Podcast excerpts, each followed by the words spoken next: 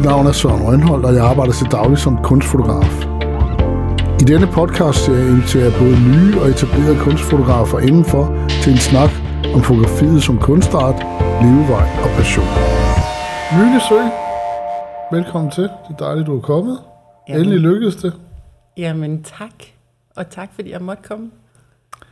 Første gang, jeg hørte om dig, det var Airmail from Venice. Ja, Det var meget specielt. Kan du ikke fortælle os om det? og jeg synes, det er utroligt, at du, har, at du kan huske det værk, faktisk. Det kan du. Hvad var værket? Jamen, øh, værket øh, lavede jeg, øh, da jeg gik på akademiet i Amsterdam. Ja. Øh, og det Hvorfor gjorde akademi jeg, gik du på? Jamen, jeg gik på Gerrit Rietveld Akademiet i Amsterdam Ja. for efterhånden øh, 20 år siden, så det er længe siden. Øhm, og øh, jeg valgte den skole, fordi at der ikke findes nogen øh, tilsvarende uddannelse i Danmark. Så derfor så valgte jeg at starte der.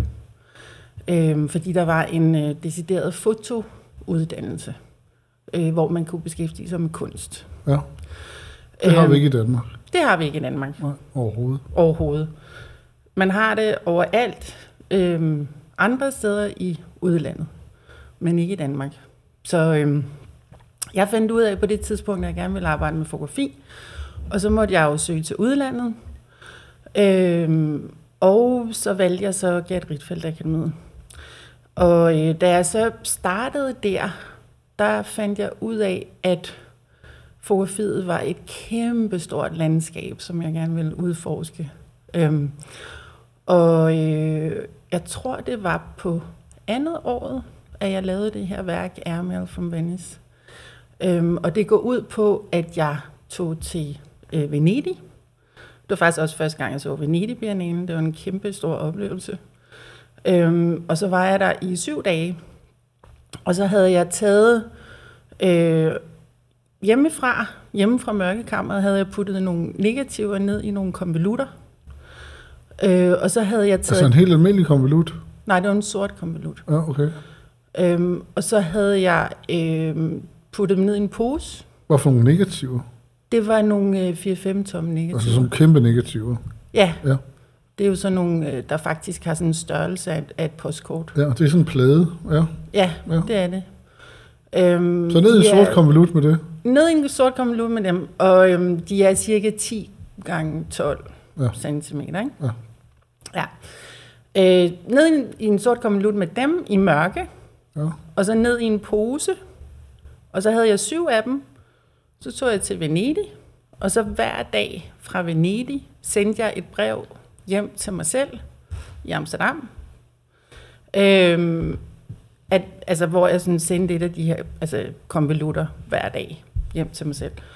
Øhm, og det blev så til værket Airmail from Venice. Så det er syv øh, negativer, som er blevet eksponeret via forsendelsen fra Venedig til Amsterdam. Hvad vil det sige? Hvad vil det sige blevet eksponeret? Altså, har den bare ligget der, og hvordan... Jamen, de Prøv har, fortælle lidt mere om det. ja, altså, de jeg har tror, der er mange, der ikke øh, helt forstår det. Ja, altså de har jo sådan set bare ligget i de her konvolutter, så da jeg øh, kom hjem til Amsterdam, så tog jeg dem ud af konvolutten i mørke, eller tog dem alle sammen ud af konvolutterne i mørke, Ja. og fremkaldte dem. Ja. Det vil sige, det der er kommet på negativet, er kommet på via forsendelsen. Det lys, der er kommet på gennem forsendelsen. Ja, Ja. lige præcis. Og det, som de forestiller, er, øh, de er faktisk meget forskellige, hvilket er ret sjovt. Øhm, det, som de forestiller, er nogle meget sorte flader. Øhm, jeg har faktisk et her, jeg lige kan Mm. beskrive. Øhm, det er et øh, meget, øh, hvad skal man sige, det, det er et billede, som er meget sort. Det er så- nærmest et stjernebillede. Ja, det ligner lidt sådan en stjernehimmel, Ja. faktisk, ikke? Øhm, sådan fra venstre side kommer der sådan ret meget lys ind, som øh, ligner en, ja, det kunne faktisk godt ligne en sol, Ja. ja. eller en stjerne, eller et eller andet i den stil. Øhm, og øh, alle syv ligner lidt sådan en stjernehimmel, faktisk. Ja. Ja. Så det er de der små, det er sådan meget sort, flade, og så er der små lysprikker, der ligesom kommer frem. Ja. Så da jeg havde lavet det her værk, det var meget heldigt, at jeg faktisk lavede det, mens jeg gik på akademiet, fordi øh, når man går på en skole, ja. det der er så fedt ved at gå på en skole, er, at man har meget tid til ja. at tænke, ja. og tid til at fordybe sig. Det er faktisk det, der er det aller, aller fedeste ved at gå på en skole. Ja. Øhm, da jeg havde lavet det der værk, så øhm, havde jeg ret svært ved at lave noget efterfølgende. Det tog mig ret lang tid at komme i gang igen. Hvordan, altså, du er nødt til at fortælle mig, jeg er meget nysgerrig. Hvordan blev det her modtaget? Altså, det, blev, altså, det, var så, det var så særligt det her, og jeg kan næsten, jeg kunne godt tænke mig at høre med din egen ord, hvorfor er det her, hvorfor gjorde det sådan et stort indtryk på mig, det her? Ja, det ved altså, jeg ikke. Jamen, jeg det kunne godt tænke mig at høre, hvorfor, hvorfor har det gjort så meget indtryk på mange mennesker? Hvorfor, hvorfor tror du, at det er sådan? Øhm, jamen, det ved jeg jo ikke. Jeg synes jo bare, det har været sjovt at lave. Men har, har det føltes det ikke som et... Hvor, hvor, altså, det må have givet dig en særlig følelse i kroppen, den modtagelse, det har, har givet det her. Altså, det må have gjort noget for dit kunstneriske selvværd. Ja, det har det. Altså, jeg vil sige, at det har været startskuddet for mit virke. Okay. Øhm, fordi at det, der skete for mig, det var netop det her med, at det tog mig lang tid at lave noget efterfølgende. Jeg blev nødt til virkelig at tænke over, hvad det var, jeg havde lavet. Øhm, og, over det, du havde lavet, eller det, du skulle lave? Altså det her Ermel from Venice ja, værk. Det, det er det, jeg meget gerne vil høre om. Hvad, har du, hvad, hvad var dit rationale efter det her? Ja, altså det, der skete, det var, at jeg havde jo nået nulpunktet af, hvad et fotografi er. Ja. Altså sådan helt grundlæggende. Det startede du simpelthen med? Ja. Fordi du startede med at opløse fotografiet nærmest. Det kan man jeg. sige. Ja. Det er jo et kameraløst øh, eksperiment også, ikke? Ja. Øh, så det er en form for opløsning af fotografiet, ja. Øh, men det som, øh, det som det her er, det er jo et negativ. Det vil sige, det er et objekt. Ja. Det er et øh, objekt, som indeholder en overflade, som er lysfølsom. Og det øh, indeholder, øh, nu skal vi se, tid, rum, lys og flade mm. og bevægelse og rejsen. Mm. Ja, rejsen, det synes jeg, gjorde enormt indtryk på mig også. Ja. Så det er, altså hele det der øh, tidsrum, synes jeg var spændende. Altså det her tidsrum, som det har taget fra at nå fra Venedig til Amsterdam. Ja. Øh, og så synes jeg også det her med at undersøge øh, objektet ja. var spændende. Og så synes jeg det her med flader, øh, med spor, synes jeg også var spændende. Spor, ja. Ja, og, og ligesom undersøge efterfølgende. Øh, så der kom rigtig, rigtig meget ud af det. Øh, så, men det er også, man, man kan jo sige, det er jo fotografi i den rene form, på en eller anden måde. Ikke? Øhm, og det er jo også et analog fotografi. Ja. Det vil sige, at mit arbejde er også meget bundet i det analoge fotografi. Jeg er meget optaget af det analog. Ja. Og det er ligesom der, det hele starter. Jeg vil meget gerne vide noget mere om dit forhold til det analog fotografi.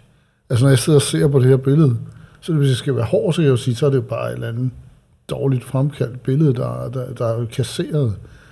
Men så når man så når man får historien og kigger nærmere på det, så er det jo et kæmpe eventyr, der udspiller sig øh, på det her billede, eller på hele den her serie. Men det er jo tanken bag, ja. som også er vigtig. Altså hele narrativet for ja. det her er vidunderligt kædet sammen med, at når man kigger på det, så får man den her oplevelse af,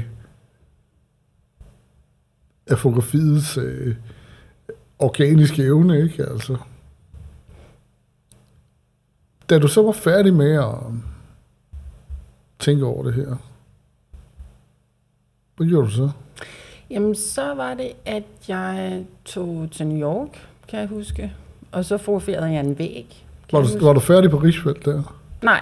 Nej. Der var jeg, jeg, jeg var udvekslet til New York, ja. øh, mens jeg gik på Ritfeldt. Ritfeldt, det siger ja. Øhm, og, øh, og så boede jeg i en lejlighed i New York, øh, som jeg havde lejet af en amerikaner. øh, fra, altså, som boede i Amsterdam.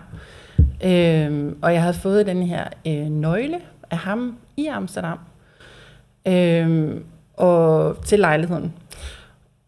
Og så var det, at jeg tog til New York, og så kom jeg ind i den her lejlighed, og så viser det sig, at det var hendes bedstemors gamle lejlighed. Og bedstemor var død for fem år siden, og øh, da jeg så åbnede klædeskabet, så hang bedstefars slips også inde i skabet. Øhm, og bedstefar havde været død i 10 år. Så det var sådan en tidslomme, jeg kom ind i og, øh, i den her lejlighed. Øh, og det, som jeg så gjorde der, det var, at jeg fotograferede øh, nogle spejle, som havde hængt på væggen i den her Du lejlighed. fotograferede spejlene. Jeg fotograferede så nogle spor fra spejlene. Ja. Jeg tog spejlene ned fra væggen, Ja. fotograferede sporene fra spejlene. Øh, og det var faktisk også første gang, jeg brugte et storformatskamera. Med et stort formatskamera. Det spørger jeg om, fordi lytterne skal vide det. Ja, altså et storformatskamera er sådan et gammeldags kamera. Ja. Sådan et, som man brugte helt fra. Gammeldags. Er det ikke, øh, bruger man det er det ikke også nyt? Er det ikke også noget, man stadig bruger? Jo, jo, man bruger Ja. det stadigvæk. Ja. Jo, jo. Men og det, bliver stadigvæk produceret, de her kameraer, ikke? Jo, det gør det. Ja. Ja, ja. Øhm, men det er jo, altså hvis man, sådan skal, hvis, hvis man skal visualisere, hvad det er, Ja. så er det jo nogle af de kameraer, som man brugte ved fotografiets fødsel. Ja. Og det er jo så nogle, hvor at man, øh, det er jo egentlig bare en kasse Ja. med en linse. Ja. Og når man så kigger ind i det her kamera, så står øh, billedet på hovedet. Ja. Og så skal man have sådan en sort klæde over hovedet for at kunne stille skarpt. Altså for at orientere sig. Ja. Ja, for at orientere sig. Ja. Øhm, og så er det, at øh, man kan tage billeder med de her kæmpe store negativer. Ja. Sådan så, at billedet kan blive super, hyper skarpt.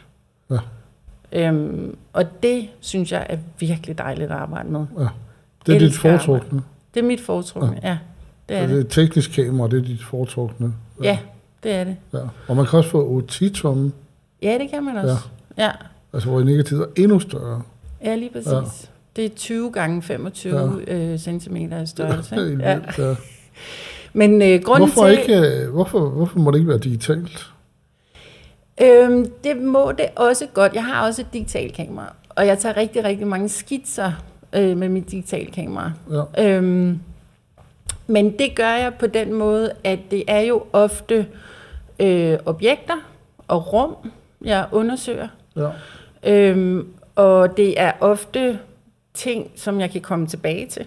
Ja. Altså steder, jeg kan komme tilbage til, eller ting, jeg kan fotografere i mit studie og komme tilbage til.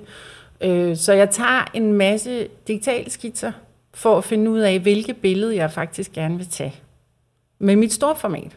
Fordi det er meget omstændigt at tage et billede med et storformatskamera. Og dyrt. Og dyrt. Det er mere det, er mere det fordi jeg kan virkelig, virkelig godt lide processen i at bruge storformatskameraet.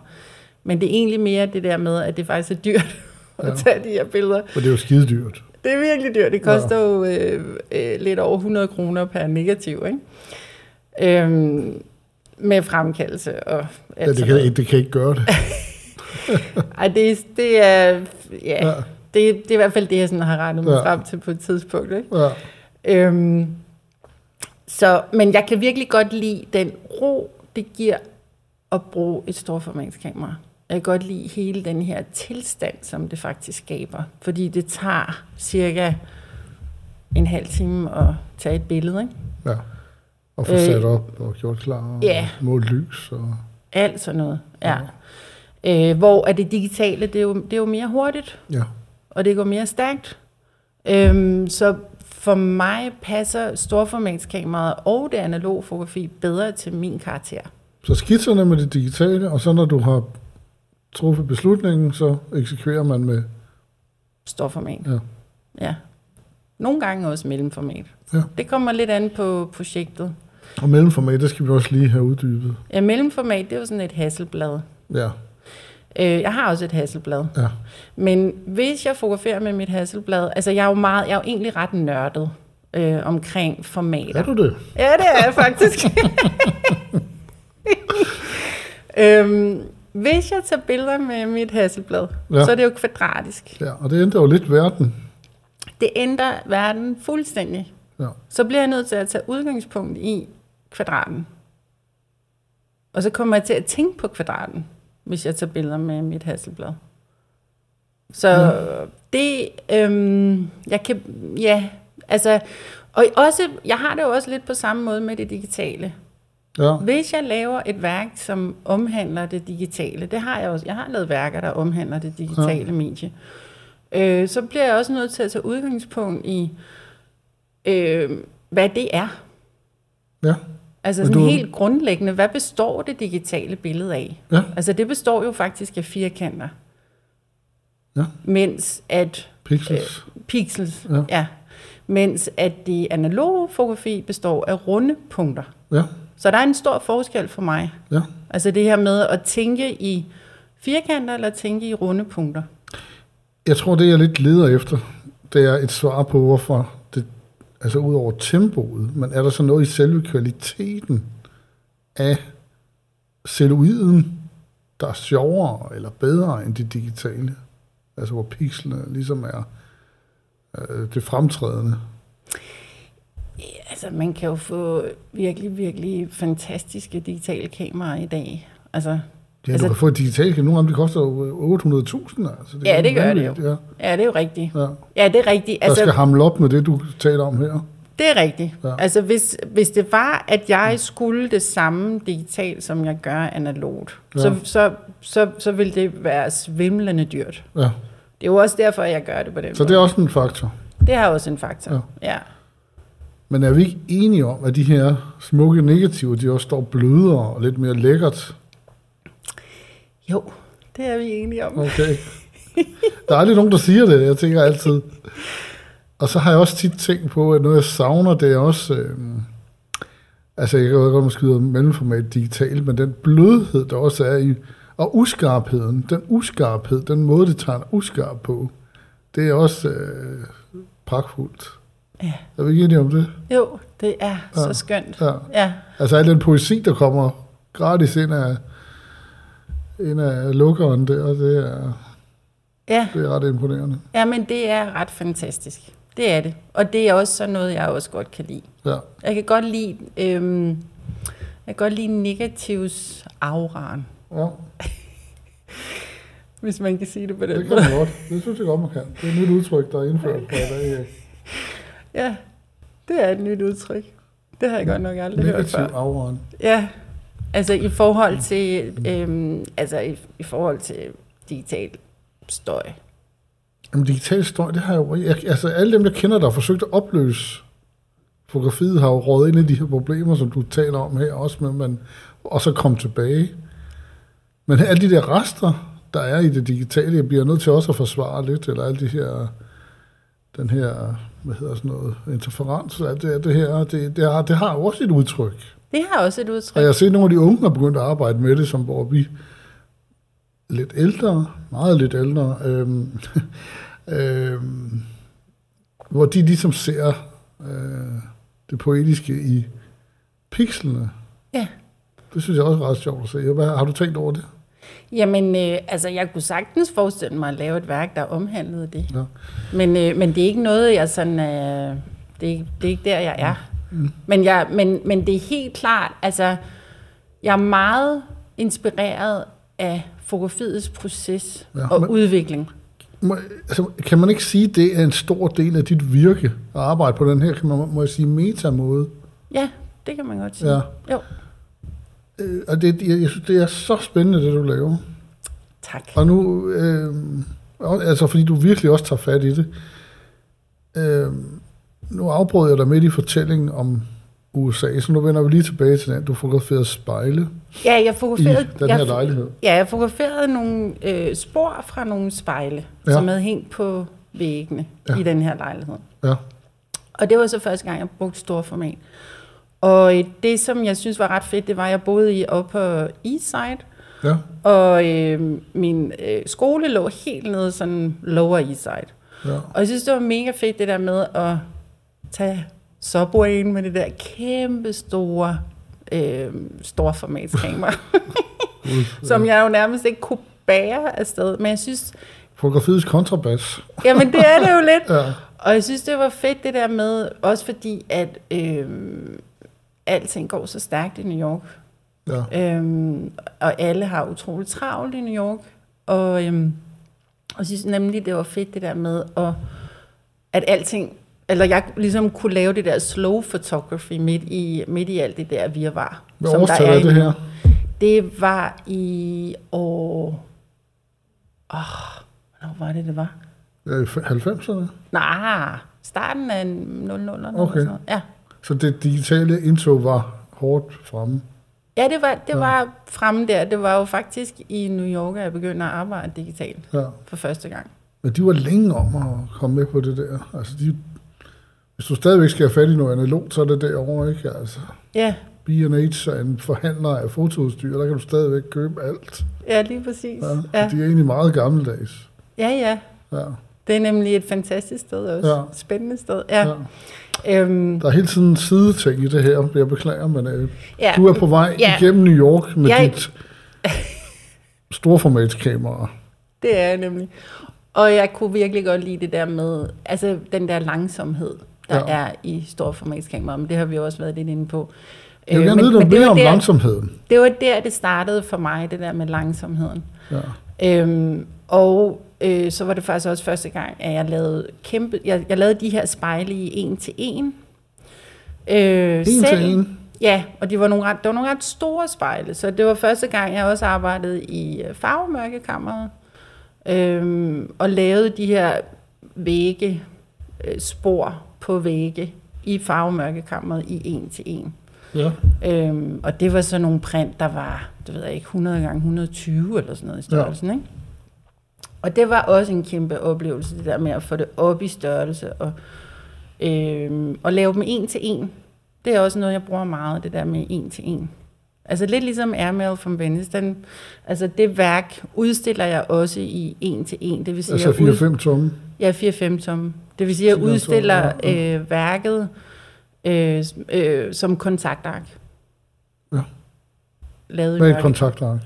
Et kontaktark er øh, øh, noget, som man laver i mørkekammeret, hvis man lige skal kigge på sit negativ.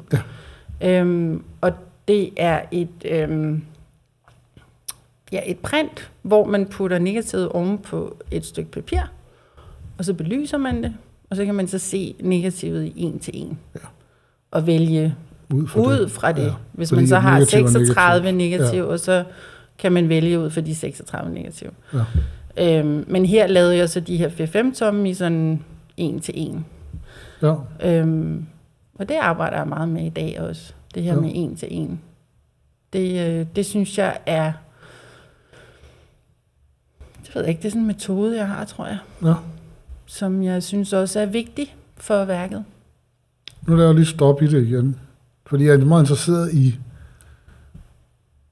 En for, jeg kunne godt tænke mig at snakke lidt mere om den her langsomhed, hvad det er, det gør for fotografiet, eller for dit fotografi. Ja, Fordi der er tit mange, der taler om det, men de har vidt forskellige fortællinger om, hvad det er, de egentlig mener med det, ja, er min oplevelse af det. ja. Øhm, for mig handler det om en form for tilstand. Øh, det er måske sådan lidt Per Bak, øh, 90'er-agtigt at sige, men... Øh, Det er jo ikke, det er der ikke noget galt i. Han er, han er også en af, en af mine helt store forbilleder. Ja, ja, ja. Øhm, Jeg skal lige sige til lytterne, at Per Bak er en gammel professor inden for fra Kunstakademiet, og han bliver også en gæst her i ISO 600, men han har også en, der har betydet meget for mange, inklusiv mig selv. Ja, og dejligt, at han bliver gæst her. Det vil Ja. jeg glæde mig til at Ja. høre om. Ja. Nå, men øhm, for mig, det at fotografere er en form for tilstand. Øh, og det er en form for meditativ tilstand. Aha, Øhm, det er et rum, jeg går ind i, som er fuldstændig mit eget. Øh, og det er mit eget flow. Øhm, og det er også derfor, jeg altid har haft utrolig mange problemer med at få flere mennesker. Fordi at det der med at skulle indtage, altså ligesom, ja, øh, ved jeg det, snakke med nogle andre, når Ja. man fotograferer. Få dem til at slappe af, for eksempel, ja. når man fotograferer. Det har jeg virkelig svært ved. Fordi det er meget, det er meget sådan mit eget space, jeg går ind i, Ja, når jeg fotograferer. så det er en personlig ting. Det er ikke noget udadvendt, Nej, det er ikke noget ud af eller udadreagerende. Nej, Nej. det er det ikke. Det er meget interessant. Ja. Det er jo lidt ligesom, øh, forestiller mig folk, der er sådan religiøse, eller folk, der mediterer, eller Mhm. øh, øh, hvad er det nu, det hedder? Alt det der. Ja. Sådan noget yoga og sådan noget, Ja, ikke? Altså, ja. folk, der ligesom øh, går ind i deres eget space. Så det er en form for Øh, meditation for dig. Ja, det er en form for meditation. Ja, det er det. Øhm, som er meget vigtig for mig. Øhm, det er vigtigt at gøre det. Det er vigtigt at gøre det. Øhm, det er vigtigt hele tiden at have det der flow for mig. Er det helbredende? Ja, det synes jeg faktisk, det har været. Ja. Ja, det synes jeg. Altså, øhm, igennem mit virke, nu har, vi, nu har vi kun lige snakket om et ja. værk, ja. men, øh, og jeg har faktisk taget 10 med, fordi for mig handler det meget om processen. Ja. Og det handler meget om det her med, at altså det ene værk overtager ligesom det andet på en eller anden måde. Ikke? Og jeg synes, at alle mine værker på en eller anden måde hænger sammen. Ja. Øhm, men det seneste, jeg har lavet, altså igennem mit, igennem mit virke, der har mit arbejde handlet meget om at undersøge fotografiet, hvad fotografiet er og kan. Helt grundlæggende. Ja. Øhm, og jeg kalder mig for billedkunstner. Jeg kalder mig ikke for kunstfotograf. Fordi jeg synes egentlig ikke, jeg er fotograf. Jeg Men synes du er egentlig, om nogen i den grad fotograf. Ja, Så det er lidt øh, paradoxalt. det er lidt paradoxalt. Ja. Men jeg synes, at fotografiet bliver en... Altså, fotografiet er et redskab for mig. ja. Mere end... Jo, og så synes jeg også, at selve mediet er mega inspirerende. Jeg synes, det er så inspirerende at dykke ned i mediet. Og Men mediet... jeg må lige stoppe dig en gang, fordi du, altså det er lidt sjovt det der, fordi du er meget mere fotograf end de fleste. Ja, At du kender jo virkelig, du har virkelig en indsigt i fotografiets øh, kunden og formåen. Så derfor er det så, at det virkelig er sjovt, du siger det der. Ikke? Det er som, nogle gange føler dem som om, du ikke vil kendes ved, at du bruger det medie. At du kun er en iagtager af det. Har jeg ret i det? øh, jeg vil sige, at jeg er ret nørdet. Jeg er ja. meget nørdet omkring mediet. Ja. Øh, men jo, det kan da godt være, at jeg er en iagttager af mediet. Det kunne man godt sige. Bliver du fornærmet af det? Nej. Altså i det hele taget er jeg jo meget en iagttager. Ja. Og det er jo egentlig også det, mit arbejde handler om. Det handler egentlig meget om at iagttage. Ja. Og det handler om at se de, øh, hvad skal man sige, perifære øh, spor, mm. som vi mennesker efterlader os, og som man normalt ikke lægger mærke til. Og så ved, at jeg sætter kameraet på de her øh, spor, så Ja. får de en anden betydning. Ja. Så, øhm, så det er jo, på den måde er jeg jo faktisk meget en iagttager. Jeg er jo meget, det handler meget om at se. Mm. Mit arbejde handler utrolig meget om at se. Altså, du er virkelig arketypen på en fotograf, jo. Men det På papiret. på papiret. Ja. Øhm, Jeg driller også lidt. Ja, Fordi jeg synes, det er, så, det er virkelig interessant, det du gør. ja, altså, men det kan godt være, at jeg lige skal snakke om, ja. mit, om mit sidste arbejde. Fordi Jamen, der så har jeg ligesom sige- skiftet kurs. Okay, men kan vi ikke tage en mellemstation Jo, på vej til dit nye arbejde? Det synes jeg lidt, øh, det er lidt for højt. Det er Det- lidt for hastigt. det er lidt for hastigt. Ja. Ja. Øhm, men det være, at vi skal snakke om det her værk. Det var det første, jeg, jeg scanned mirrors. Nej, Nej. det er noget af det, øhm, det er noget andet. Fortæl os, hvad vi skal snakke om. Ja, det her, det er et værk, der hedder Transient. Øhm, og Og hvad betyder det?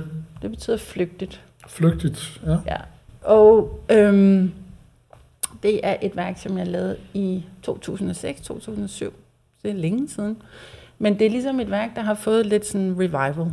Det er meget sjovt. Her øh, inden for det seneste år, faktisk. Øh, det er kommet med i Vedekorn. Ja. Ja. Jeg er med her. Ja. Ja. Og så har det været Det er ikke udstillet... så typisk, at fotografer er med i det. Er det det? Jamen, jeg er jo også billedkunstner. Nå ja, undskyld. Men Jeg kan fortælle lytterne, at øh, jeg sidder og kigger på billederne her, og de er kvadratiske. de kvadratiske, Er de ja, skudt på dit hasselblad? de er skudt på et hasselblad. Ja. Ja, lige præcis. Og der er, det er jo fotograferet aviser fra enden af. Ja, Hvad er Det- nu det for noget? Det er aviser, som er samlet fra overalt i verden øh, i løbet af et år. Og øhm, det er meget sjovt, det har netop fået det der revival. Øhm, det er kommet i Vedkorn, og så har det også været udstillet i Paris. Øhm, på, en, på den her udstilling, der hedder Colle du Nord. Ja. Og øhm, det der var med det her projekt, det var, at altså, hver gang, at jeg laver et værk, for det første er det en, er det en undersøgelse af, af et objekt. ja, og her er det avisen. Her er det avisen, lige præcis. Øh, og hver gang, at jeg laver et værk, så tager jeg, tager jeg udgangspunkt i noget øh, teori. Ja. Og noget fototeori, Ja. som regel. Men det kan også godt være noget kunsthistorisk, eller et eller andet kunstteori, eller whatever. Ja. noget, som jeg synes er spændende. Men her, der var det øh, en undersøgelse af øh, fotografiet, forstået på den måde, at jeg var meget optaget af den fotografiske virkelighed. Altså det her med, at når et billede er taget, så øh, er det jo taget i et flygtigt øjeblik af et sekund. Øhm, og så er det, når man så kigger på billedet, så skaber det en anden virkelighed end den, som man måske lige opfattede i det sekund. Det kan være, at det er taget så hurtigt, så man øh, ser noget, som man netop ikke lige opfattede. Ja. Øhm, Altså sådan i et flygtigt øjeblik. I et flygtigt øjeblik. Ja. Øhm, og det, som man så ser på billedet, lige pludselig ser man måske noget på billedet, som man netop ikke lige havde opfattet. Ja. Nu sidder jeg og gentager mig selv. Nå, nå, det er meget fint. Ja, For det kræver Øhm. lige lidt tid at synke det her. ja. Ja. Øhm, og det, som man måske ser, det er en eller anden figur, som man ikke lige opfattede i situationen, mm. eller Ja. whatever. Og det skaber jo en anden virkelighed. Det skaber en fotografisk virkelighed. Ja. Og det er jo øh, det er et billede, altså et fotografi, er jo altid taget ud fra et subjekt. Ja. Så det er altid øh, den person, der ser, som skaber det her billede. Så det er jo den persons virkelighed, man opfatter, Ja. når man ser på billedet. Ja. Øhm, og det er jo en eller anden form for fiktion, Mm. fordi det er jo altid ud fra det her subjekt. Så og det, er jo, det har jo egentlig ikke noget, det har jo egentlig ikke noget med virkeligheden at gøre. Nej, så det er virkelig en fantasi. Det er faktisk fantasi, eller det er en fiktion i hvert Ja. fald. Ikke? Fordi det er, jo, det er jo virkelighed, men det er alligevel ikke virkelighed. Fordi det er en fotografisk virkelighed. Ja. Øhm, og det synes jeg var ret spændende at dykke ned i, det her med den fotografiske virkelighed. Og så var det, jeg tænkte, øh, det er jo altid ud fra det her subjekt, og det er altid en, en fiktion. Øh, og det er jo lidt det samme med avisen, fordi det er jo også, øh, hvad skal man sige, En tolkning. Av- avisen er en tolkning af øh, En virkelighed. en virkelighed. Ja. Lige præcis. Ja. Øhm, så det var egentlig en undersøgelse af det, det her værk. Ja. Og så var det, jeg begyndte at undersøge avisen som objekt. Ja. Øh, og så fotograferede jeg den på alle mulige måder, som jeg jo altid gør. Jeg bruger altid meget lang tid på at fotografere et objekt, Ja. når jeg Ja. skal fotografere det. Og jeg prøvede med hvid baggrund, og jeg prøvede med grå baggrund, jeg prøvede med farvet baggrund. Og så endte det med at blive de her øh, sorte baggrunde. Og jeg kan Øh, fortælle, at det er alt fra arabiske til danske til alverdens nordiske og sydeuropæiske aviser, der er afbildet Ja, fra... jeg tænker, de står op, og du har fotograferet ned i dem. ja, jeg står op fra og fotograferer ned i dem. Ja. Øhm, og det var egentlig for at få den her, altså for det første for at gøre dem flade, Mm. og for det andet for at få øh, det her sorte hul. Ja. Man kunne i virkeligheden også have gjort det med kamera i dag, så man se de forskellige producenters tolkning af virkeligheden. Ja, det kunne man også. Ja. Ja. Men, jeg, det, er også, men det er så smukt, at det er viser. Ja, Også man bliver så betaget af, fordi rejsen kommer ind i dine ting igen. lige præcis. Tænkte du på det? Ja, altså rejsen har været en stor del af mit øh, arbejde. Ja. Det har den faktisk. Altså det her med, at jeg har jo rejst meget tidligere, Ja. Før jeg fik børn. ja. Men også med børnene. Jeg har været Ja. gift med en italiener i 15 år, så vi har også rejst meget, ja. og han har rejst meget. Ja.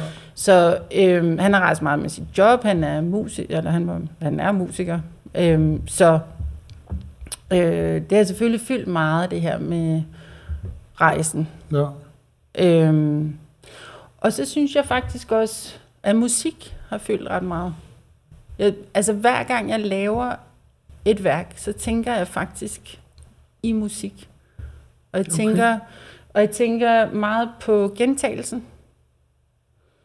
Ja. Øhm, og i det hele taget, altså nu sad jeg lige og kiggede på mit virke her, inden jeg skulle ind og Ja. snakke med dig. Og sad sådan og kiggede på noget af det første, jeg har lavet, og så noget af det sidste, jeg har lavet. Mm. Og hvis jeg sådan tænker på hele mit virke, så tænker jeg faktisk på sådan et musikstykke, som starter med et anslag, og så kan, så kan lydene ligesom gå op, og lydene kan gå ned, og så er der måske noget sådan monoton lyd, og der er sådan lidt forskellige lyde. Ja. Og det er faktisk også sådan, jeg tænker, når jeg hænger billeder op Okay. okay. øh, på udstillinger. Ja. Så tænker jeg også meget musik Ja. tænker meget på det her med øh, lydene, der går op og ned. Og derfor er jeg også meget optaget af gentagelsen.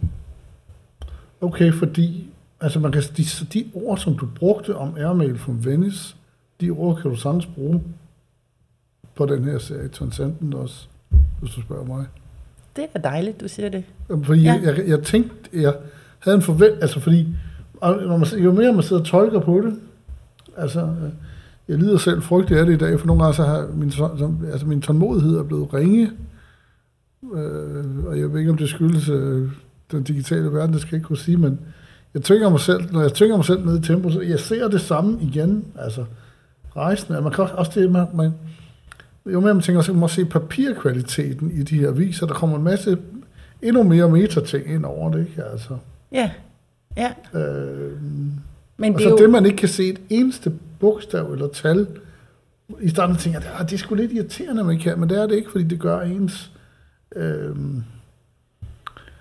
ens øh, fantasi kommer endnu mere på prøve, når man kigger på det, fordi man ikke kan det. Man er nødt til at arbejde meget med sig selv, når man kigger på det. Det er meget inspirerende at se.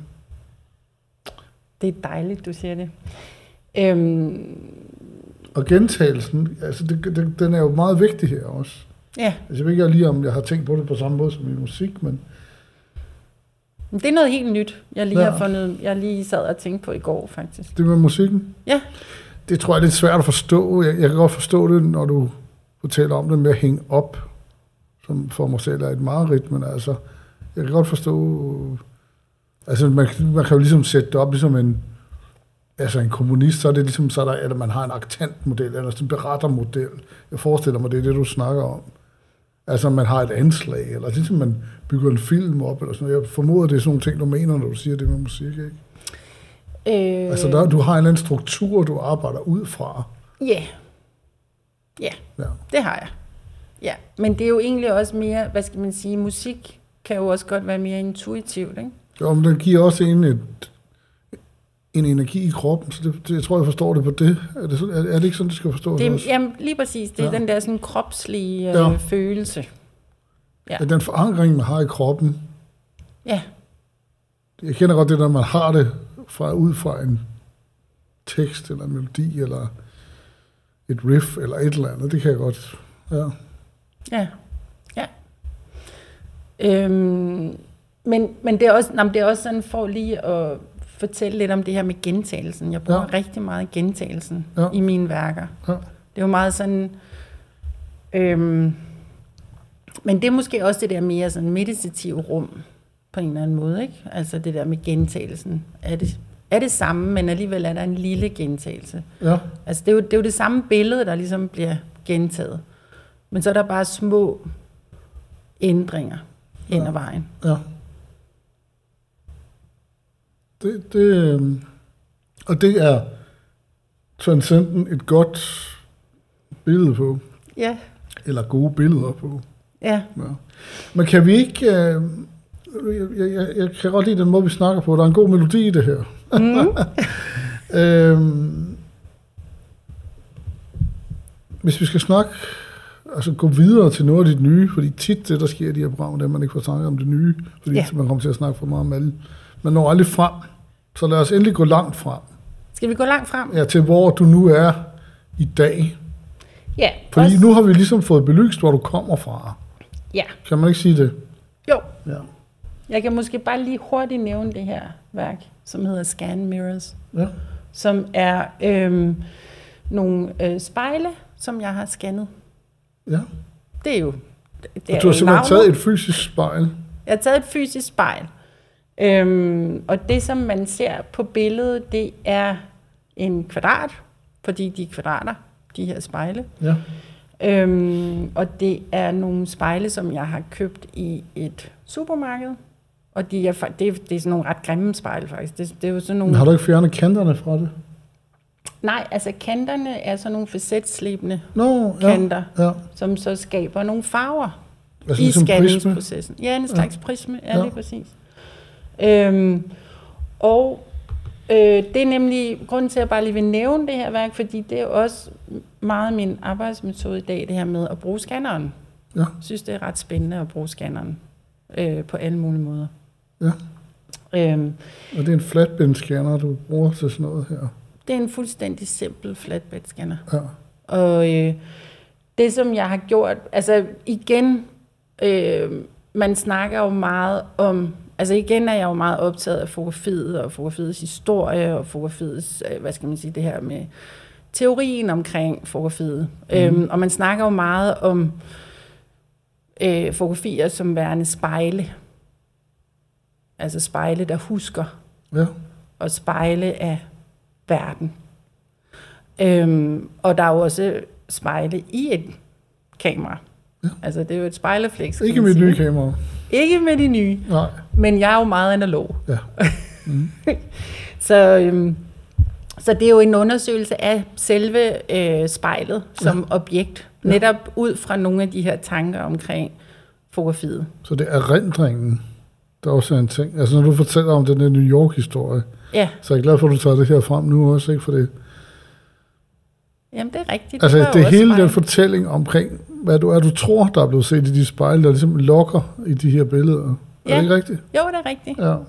Men her, der har jeg jo simpelthen bare taget de her spejle, som jeg har købt i et supermarked, som er spejle, som skal bruges til interiør, til lys, sterinlys.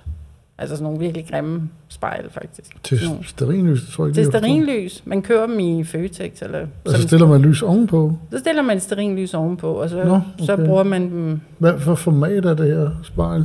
Jamen, det er meget lille. Det, Okay. Altså, det her er jo et A4. Nå, det er dag 4. Så Ja. det er også en til en, det her. Det er også en til en, Ja. ja. Så, øh, og, det, og de er også udstillet i en til en. Altså, det ja. vil sige, de er A4 i størrelsen. Ja. De, de bliver ikke større end det. Men du lægger tit ting nogen på hinanden. Ja, Og det, Det kan, jeg, det kan jeg rigtig godt lide, at du gør det perspektiveret i hvert fald meget over det. Jeg glæder mig til at høre lidt om det også. ja. Altså, jeg er meget optaget af lag. Øhm, jeg er meget optaget af os, altså, det her med fladen. Ja, Og, hvad, altså, og, og så er jeg også optaget af det her med at gøre noget tredimensionelt, todimensionelt, ved at øh, altså, pege kameraet imod det. Øhm, og ja, altså det kommer helt tilbage fra nogle værker, som jeg lavede, da jeg også gik på akademiet, hvor jeg fotograferede nogle, nogle bøger, ja, en bogomslag. ja. Øhm, og det var, jo, det var jo det her med at gøre øh, altså et tredimensionelt objekt todimensionelt. Mm. Øh, og det var jo nogle bøger, som indeholdt en masse information, som man så ikke ser. Man ser kun fladen af de her bogomslag. Ligesom aviserne. Ligesom med aviserne. Ja. ja. Fuldstændig på samme måde. Ja. ja. Øh, men jeg kan godt lide jeg kan godt lide øh, sådan, jeg kan godt lide de der tanker om, at der er en masse bag, som man ikke ser, Ja. og som man bare kan forestille sig. Altså ud fra den tanke om, at det man ikke ser, det, det giver i virkeligheden mere, end det man ser. Ja, Ja. ja, præcis. Ja, lige præcis. Ja. Øhm, og igen, jeg kan godt lide det der, øhm, altså det der, jamen forestillingen. Jeg kan godt lide forestillingen. De der farver, der kommer fra den, de slibninger i glasset, det bidrager jo enormt meget Ja, i farver. ja. Altså jeg vil bare lige sige, bare lige igen for at forklare værket, altså det er en sort kvadrat, Ja. øh, og det er, øhm, så er der en masse fingeraftryk Altså på, fingre, på fladen. ja, Ja, det, det er alle de der prikker, du kan ja. se. Så der er en masse spor. Der er en masse sådan, hvad skal man sige, øh, altså jeg er spor forbundet med kroppen. Ja. Øhm, det er også det, jeg er meget optaget af. Spor, Ja. ja. der er forbundet med kroppen, Ja. ja. faktisk. Ja. Øhm, ja, så det er den her øh, sorte øh, flade med de her fingeraftryk, og så ude i kanterne er der nogle farver. Ja.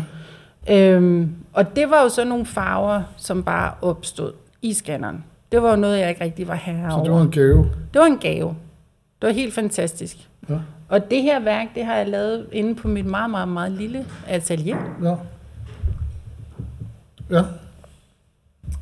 Øhm, og øh, det er, jeg, kan vir- jeg kan virkelig godt lide den her arbejdsproces med at, at proppe et spejl i en scanner. Ja. Øh, og så har jeg arbejdet på den måde, jeg har scannet, og så har jeg printet, og så har jeg scannet, og så har jeg printet, og jeg har scannet, og jeg har printet, og det synes jeg er mega fedt. Ja. Det der med, at man har printet med det samme. Ja. I forhold til, når man tager et billede, så skal man have fremkaldt filmen, og så skal man scanne negativet, og så skal man printe. Ja. Så det er en meget længere proces. Ja. Ja. Jeg kan godt lide den der sådan hurtige proces, der er med scanneren. Øh, og hvor at det kan opstå sådan lidt mere intuitivt. ja. Men det er jo lidt det samme som eksponeringen. Man får også nogle ting serveret der. Ja. Eller Man får nogle gaver. Ja, lige præcis. Ja. Ja. ja, altså jeg er meget, hvad skal man sige, jeg kan godt lide at eksperimentere Ja. Med mediet. med mediet. Med, det, med de ting, med, med alle metatingene. Ja, Ja. lige præcis. Nu vil jeg skynde mig lidt op i dit nye, i ny tid. Ja, Jeg så dig på en udstilling i Paris forrige år på Paris Photo. ja, Ikke på Paris Photo, men i forbindelse med det. ja. Meanwhile in Denmark. Meanwhile in Danmark. Ja. Og den var kurateret af Anna Krog, så vidt jeg husker. Pisseflot. Prøv at fortælle om det. Ja, altså der havde jeg to værker med. Ja. Jeg havde blandt andet det her værk. Som, Og det havde jeg ikke set før. Det var det er meget... Prøv at fortælle lytterne om, hvad det er, vi ser. jamen her ser vi øh, en bunke. Og det er, altså, jeg ved jo, det er en bunke glasplader. Det ved jeg ikke, om du kan se. Kan du se Ja, det? det billede... Altså, jeg ved ikke, om jeg... Det, det, ja, Ja. det kan jeg godt se. Det kan du godt se. Ja, det er jeg sikker på, at alle godt kan se. Ja, Fordi... Når man lige har kigget på det lidt, ligesom, ligesom med aviserne. Ja, lige præcis. Mm. Altså det der er, det er, at man kan se, øh, at øh, det er i hvert fald noget, der, altså det er en bunke af noget, der er øh, transparent. Ja, Fordi at der ligger en masse forskellige, øh, der er en masse forskellige linjer ja, i billedet, ikke? jo.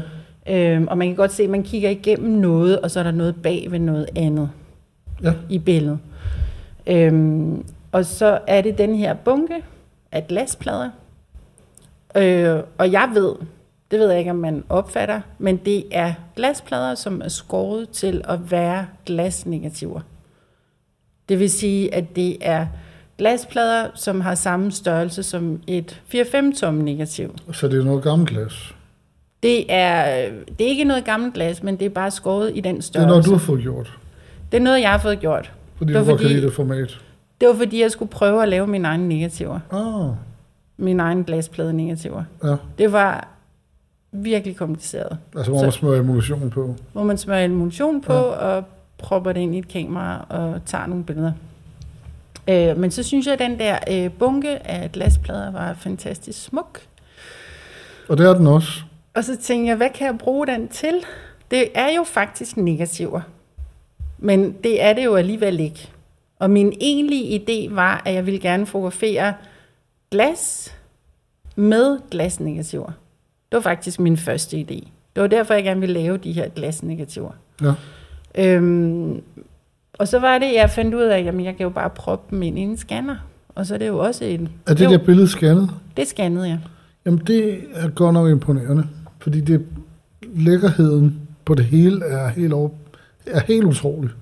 Nå, tak. Synes du ikke det? Jo, det synes jeg også. Altså, det, er- man får, det er den smukkeste eksponering, der kommer ud af det. Det havde jeg ikke troet, en scanner kunne levere på den måde. Er det rigtigt? Nej. Det er faktisk en meget billig scanner. Ja. Der er ikke, øh, der er ikke noget... Anyway, den har leveret varen i hvert fald. ja. Ja. Øh, og det, jeg har lavet en serie, hvor jeg har brugt en sort baggrund. Og Ja. det var egentlig for at referere til det sort-hvide fotografi. Ja. Så jeg har, jeg har brugt øh, en sort baggrund på en serie, og en hvid baggrund på en anden. Og det, der så sker i det sorte, det er, at der opstår en masse farver. Og det synes jeg også er ret spændende. ja, det er ligesom det, der giver hele... øh, Jeg tænker, at hvis det havde været på hvidt, så havde man ikke kunne se vingeraftrykkene lige så godt, og alle de der ting. Men det her, det, det her det med hvid er baggrund. hvidt. Ej, det er også pænt, altså. Der opstår alle mulige farver ja. i det hvide, ikke? Ej, hvor er det fint. Så det er, der opstår sådan nogle grønne og Ja. lyserøde og gule farver. Og, Ja, ja. Ud af det hvide, Ja. kan man sige. ja. Og ud af glasset. Så, så det er jo en undersøgelse faktisk af farver. Ud fra det sort-hvide. Jeg jeg kom også til at tænke på i går, øh, da jeg- da jeg sad og kiggede på dine ting. Altså, arbejder du ud for nogle farveteorier, altså noget Goethe, eller er det noget, du bruger, eller er det bare... Mm, det bruger jeg... Jo, det bruger jeg egentlig. Altså, jeg synes, at det er spændende, det her med, med følelserne omkring farven. Ja. ja, det synes jeg er meget spændende. Ja, Øhm, men det er ikke noget, jeg sådan har i tankerne. Det er det faktisk ikke. Nå, altså, det er ikke det, er ikke det, det her værk handler om, i hvert fald. Det er ikke det, det, er Nej. ikke det jeg sådan har taget nej, udgangspunkt i. jamen, ja, det, det, det tænker jeg heller ikke. Det Nej. slog mig bare lige, om der... Det var, altså, jeg vil bare gerne snakke om processen. Jeg vil rigtig jeg tænkte, om det var noget... Om det var en spiller, du brugte, øh, altså om det var noget, du brugte i dit arbejde. Altså, jeg har, jeg har læst øh, Goethes farveteori, og synes, at det er super spændende, det der med følelserne omkring ja. farverne, og hvad, hvilke følelser de vækker, Ja. øh, de forskellige farver. Ja. Øhm, mm, Jeg, jeg spørger også, fordi det- du taler om det meditative. Ja, men i det hele taget læser jeg faktisk ret meget. Jeg læser faktisk, altså, øh, men det, det er bare lige for at, at nå frem til noget af det nyere. Ja. Øh, det er det her. Hvad hedder det? Det, hedder, det er fra en udstilling, jeg havde på Gallery Image sidste år. Ja. En soloudstilling, Som jeg ikke så. der hed Stages of Conceptions. Ja. Og øh, det, det er for mig et helt nyt sprog. Fordi at jeg er inde og undersøge et historisk sted, som øh, er et nedlagt psykiatrisk hospital, øh, op ved Nordvestjylland. Øh, og så er det også en undersøgelse af min egen personlige historie. Så det er sådan en meget, en helt anderledes måde at arbejde på. Men øh, det her sted, det, det kan man sige, fandt jeg i gåseøjne, fordi det ligger der jo. øh, det fandt jeg i 2015. Der opdagede jeg det her sted. Jeg har altid vidst, det lå der, ja. øh, men, øh, men har ikke rigtig været der. Øh, og så var det, at jeg øh, fandt ud af, øh, at det var ved at blive nedlagt. Og så har jeg kommet derop rigtig, rigtig meget. Fotograferet rigtig, rigtig meget deroppe. Øh, og så har jeg undersøgt et museum, et lille lokalt museum, der er deroppe. Øhm, og med det her projekt, der har jeg også kommet til at læse en masse. Altså, Oh, nej. så, jo jo, altså, jeg har jo ligesom skulle forholde mig til psykiatrihistorien, Ja. og jeg har også læst en masse filosofi, og Ja. øh, jeg har ligesom sådan skulle øh, forholde mig til noget historisk. Ja. Øhm, og min søster har været øh, psykiatrisk patient på stedet. Det er derfra, Okay. jeg kender det. Aha. Øhm, og er død nu. Så det handler meget om, hvad skal Okay. man sige, soveprocessen omkring hende. Ja. Øhm, så det her værk, det hedder And Her Hair Was Covered With Leaves. Og det er et værk, som øhm, igen er det negativer, jeg har taget. Altså lidt samme arbejdsproces som Airmail from Venice. Er vi ikke enige om, at sagtens, jeg kan sagtens genkende, at det er dine billeder? Kan du det? Jeg kan sagtens se referencen til Venice. Ja. Jamen, det er godt. Mm. Øh, altså, jeg vil så også lige sige, at med hele det her projekt, der har jeg været inde og lavet en undersøgelse, som har været meget anderledes øh, end den måde, jeg plejer at arbejde på. Øh, netop fordi det har været det der meget personlige, jeg sådan har skulle arbejde med. Øh, og derfor har det også taget så lang tid. Ja. Øhm, og jeg har faktisk, fordi selve projektet handler egentlig mere om det her med virkeligheder.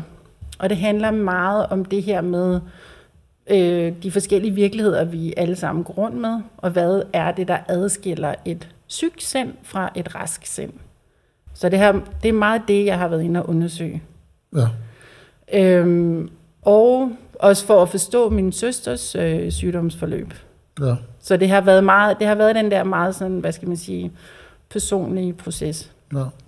Øhm, men det, som jeg så gjorde med de her... Øh, når jeg, nej, jeg vil lige vende tilbage til, at jeg var faktisk ude i, og, og at jeg tænkte, at jeg skulle lave det her projekt ikke fotografisk.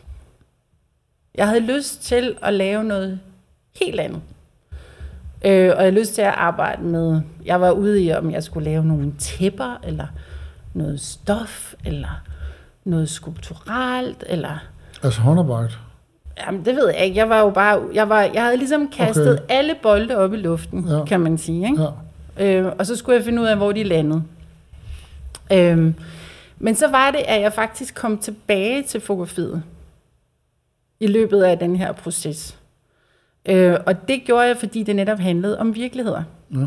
Og jeg synes, øh, og, og hvis der netop er noget, der handler om virkeligheder, så er det jo fotografiet, som vi også har været lidt inde på. Ja.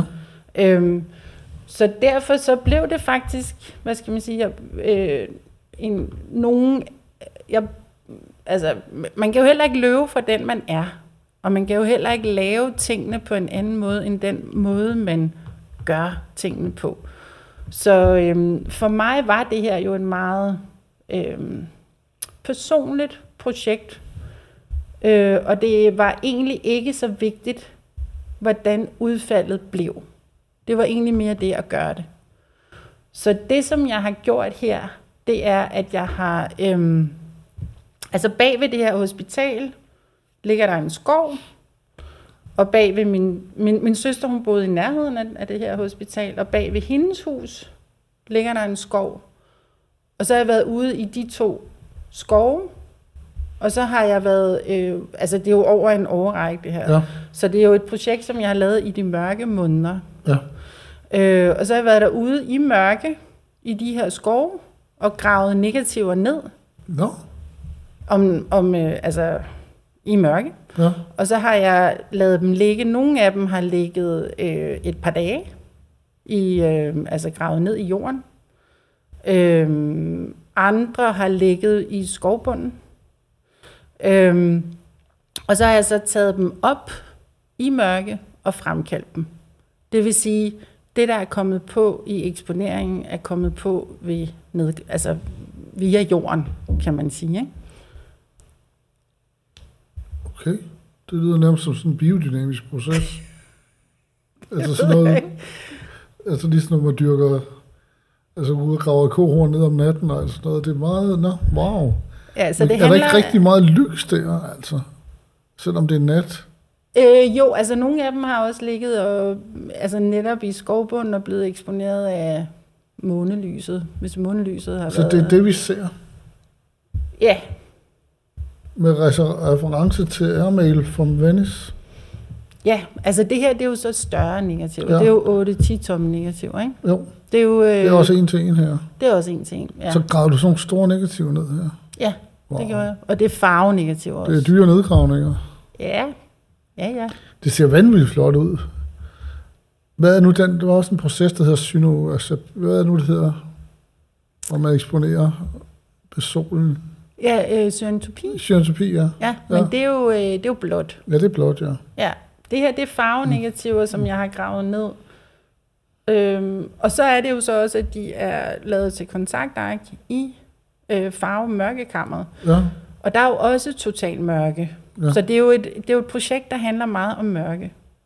Og det Ja. handler meget om det her med at agere i mørke, og Ja. ligesom famle sig frem i mørke. der er mange lag i det her. Ja, der er mange lag i det. Ja. Og det har jo også været en, en soveproces for mig at Ja, ja, lave det det her er jo- ja. projekt. Ikke? Ja.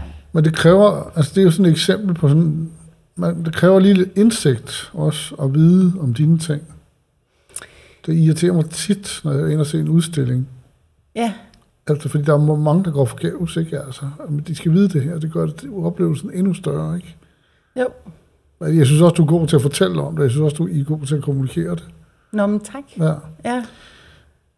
Ja, Tiden er som sædvanligt gået alt Er for den det? hurtigt, fordi uh, vi, den, eller den er gået, men jeg har taget et billede af dig.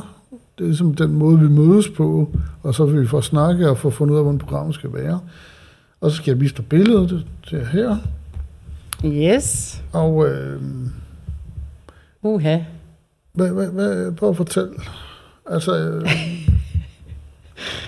Altså, øhm, jamen, det har jeg jo sagt til dig før, tror jeg, at jeg, jeg ser sådan lidt dullet ud.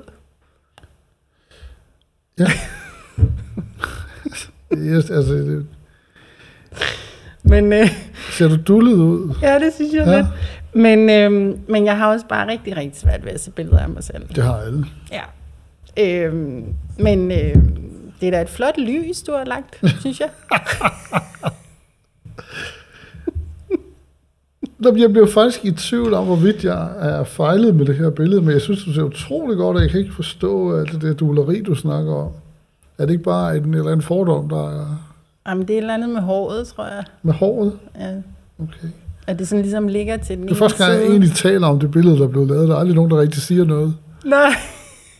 Altså, det, håret er ligesom kastet over den ene skulder. Nå, du, det er sådan, det er iscenesat.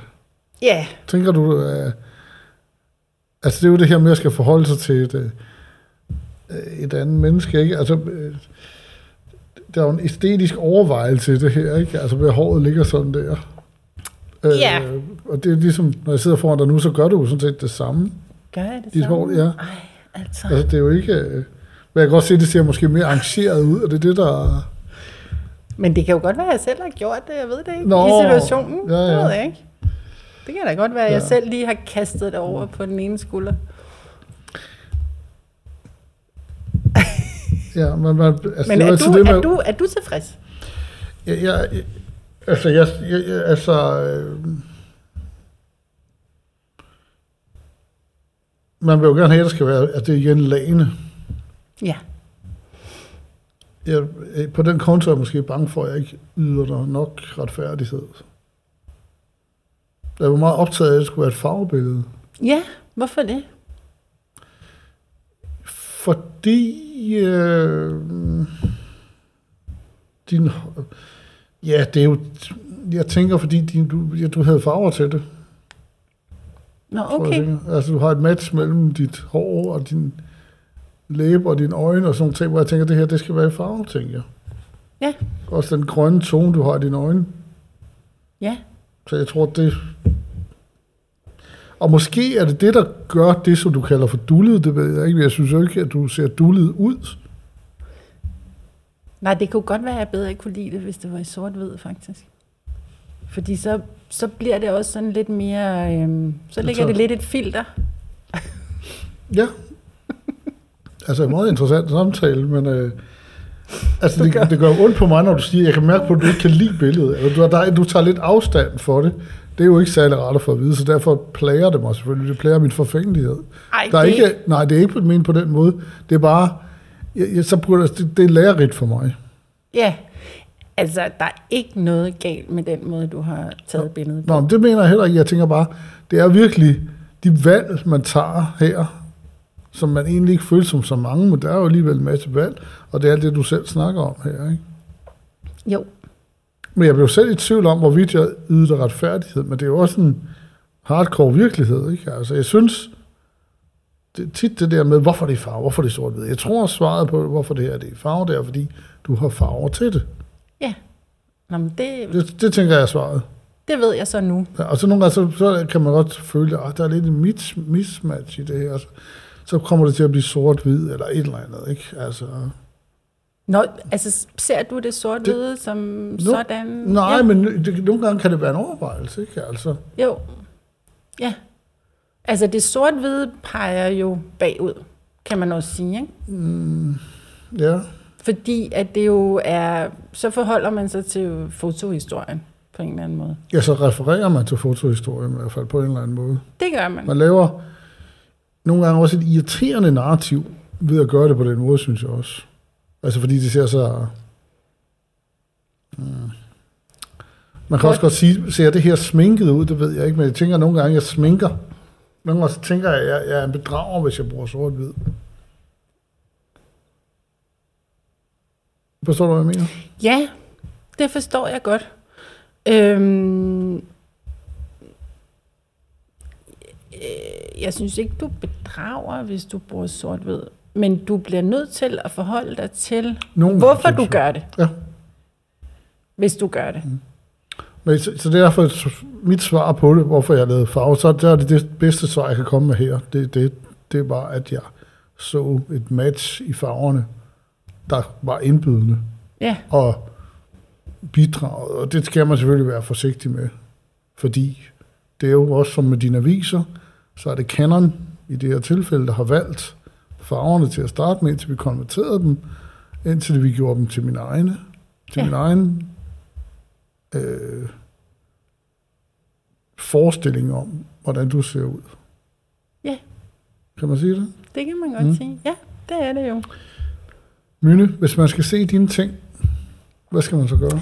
Så kan man gå ind på min hjemmeside, mynesov.net. Ja.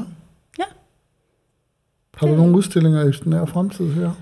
Øh, ikke før i 2022. Der har jeg nogle forskellige... Øh, Det er også snart. det er snart. Jeg har nogle forskellige samarbejder. Nogle forskellige øh, samarbejder med nogle andre kunstnere, som jeg skal udstille sammen med forskellige ja. steder. Ja. Øhm, så det er... Det kan man jo følge med i inde på min hjemmeside. Tusind tak, fordi du kom. Det var usædvanligt inspirerende at høre om. Tak for det. Jamen altså, tak fordi jeg måtte komme. Velkommen. Og jeg elsker at snakke om fotografi og ja. kunst. Godt. Tak. Tak. Jeg skal sige uh, tak, fordi I lyttede med. Og jeg skal huske at sige tak til Statens Kunstfond for bidrag, og tak til Camilla Hedegaard Møller for redaktionsarbejde, og til Mathias Bager, og en bager mere, der sidder ved lyden. Tak for det. Tak for det.